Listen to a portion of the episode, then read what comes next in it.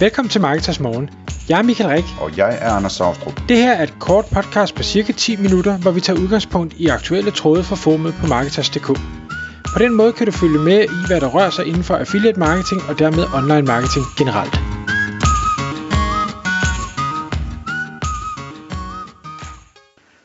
Godmorgen Michael. Godmorgen Anders. I dag Michael, der skal vi tale om, hvorvidt affiliate marketing egentlig er en kanal, eller ikke er en kanal.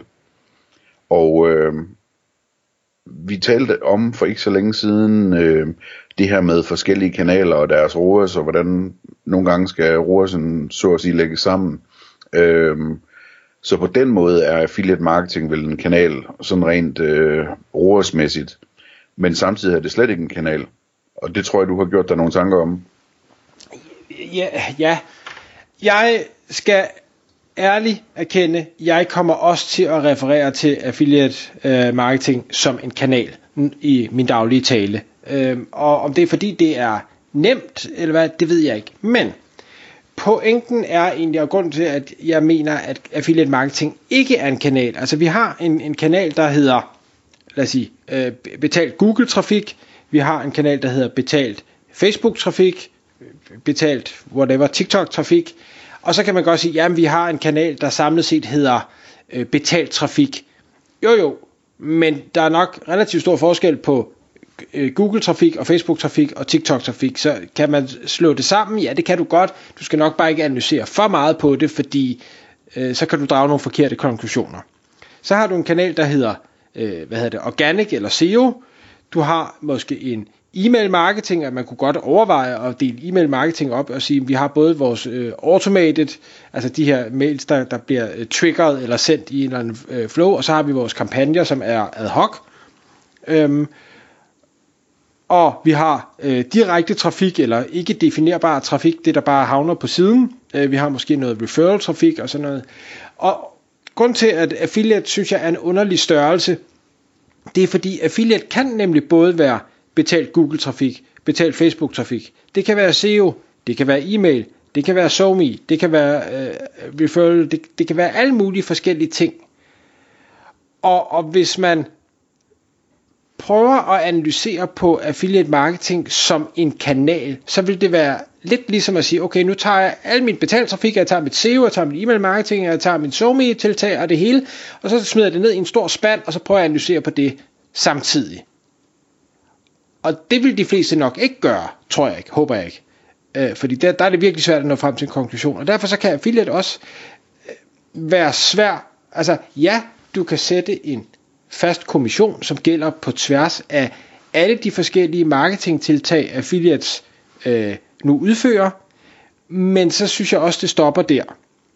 Hvis man skal analysere på sin affiliate øh, marketing tiltag, så er det bedre at gå ned og sige, at jeg ved, partneret har øh, defineret på langt de fleste affiliate, hvis ikke alle, øh, hvad, hvad er det for en type affiliate, de laver? Øh, er det en content affiliate, eller er det en, en øh, hvad hedder det, PPC affiliate, eller er det øh, influencer? Øh, voucher. Voucher. Produktsamling, ja. ja. Øhm, så så der, der bliver man hjulpet lidt. Der er så mig bekendt ikke et filter, sådan som jeg kan sige, nu vil jeg se tallene kun for den her type, men det kan man om ikke andet så trække ud i Excel, og så selv sidde og lave lidt, eller Google Sheets og lave lidt, øh, lidt arbejde på. Og der er det, det begynder, synes jeg, at blive spændende at sige, okay, hvordan er det mine content affiliates performer versus øh, min egen SEO for eksempel? Eller hvordan performer Google Shopping affiliates versus min egen Google Shopping tiltag? Har jeg nogle e-mail affiliates, hvordan performer de i forhold til min egen e-mail marketing? Er det ad hoc, eller er det funnel baseret automations? Hvad, hvad er det for noget? Og det tror jeg øh, ja, øh, det, det, det tror jeg ud fra, at jeg ikke har hørt nogen snakke om det. Ikke, at der er ret mange, der, der laver den form for analyser. Der tager man affiliate som, som en stor spand, og så siger nu holder jeg det op imod et eller andet, øhm, og så prøver at drage nogle konklusioner ud fra det. Og de konklusioner oplever jeg desværre bare ofte bliver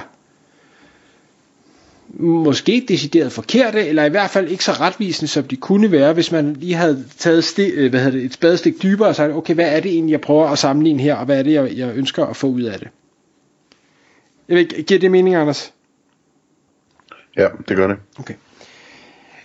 en af grundene, som jeg også har skrevet på, på min notesark her, som øh, tror jeg til, at man ikke laver de her analyser, det er, at for, for langt de fleste tilfælde, der giver man simpelthen ikke affiliate marketing nok opmærksomhed.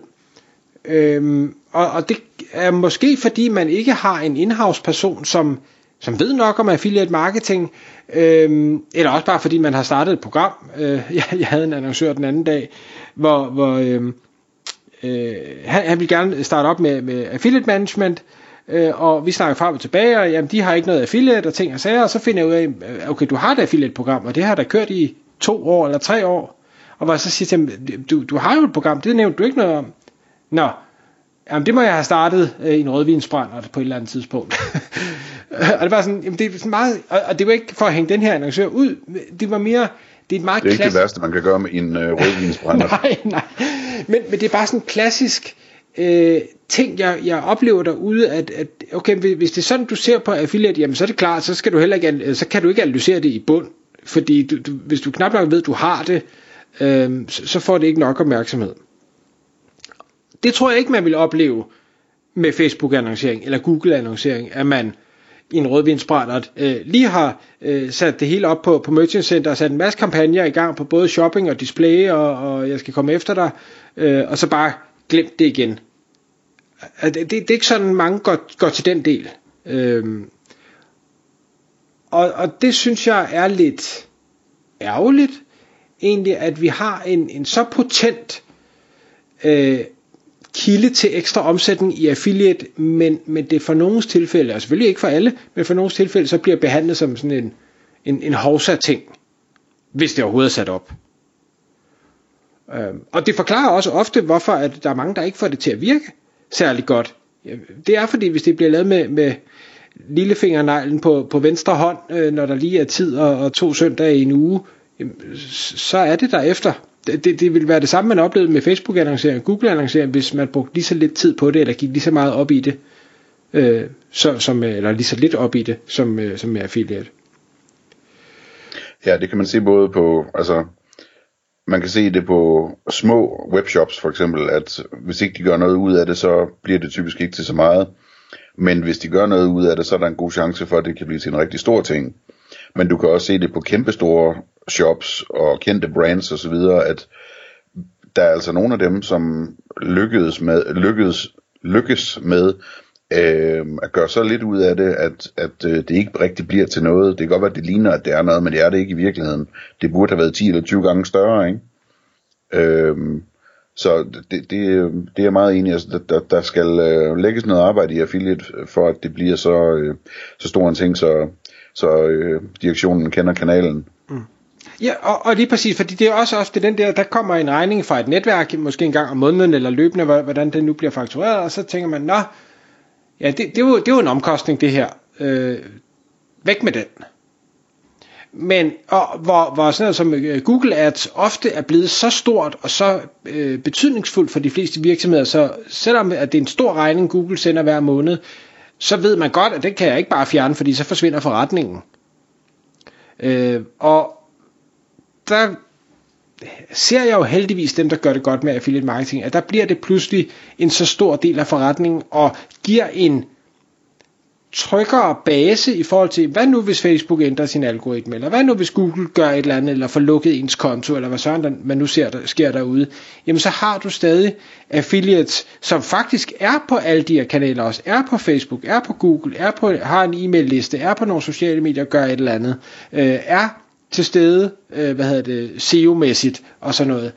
Så, så selvom om et af de andre ben i forretningen øh, halter eller brækker eller bliver lukket eller hvad det er, jamen så kan affiliate faktisk løfte øh, på tværs og er egentlig sådan en, vi kan jo næsten kalde det en omnichannel, altså fordi de, affiliates kan i bund og grund lave alle de andre marketingtiltag, som du selv laver, mere eller mindre. Øhm, nogle af dem er mere åbenlyse end andre, men, men i bund og grund kan du lave affiliate på stort set alt. Øhm, ja. Nå, det var en lang, jeg ved godt, det var en lang udenomsnak om, hvorvidt affiliate marketing er en kanal, men, men jeg, jeg synes i hvert fald bare, man skal, man må godt kalde det en kanal, det gør jeg selv, man skal bare huske, når man laver sin analysearbejde, at man kan ikke tage den her pærevælling af alle mulige forskellige tiltag, og så holde det op imod noget andet, og så sige, nu tror jeg på, at øh, jeg forstår, hvad der er, der foregår. Der bliver man nødt til at være en lille smule mere nuanceret i sin analyse. Tak fordi du lyttede med.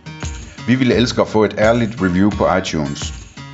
Hvis du skriver dig op til vores nyhedsbrev på marketers.dk-morgen, får du besked om nye udsendelser i din indbakke.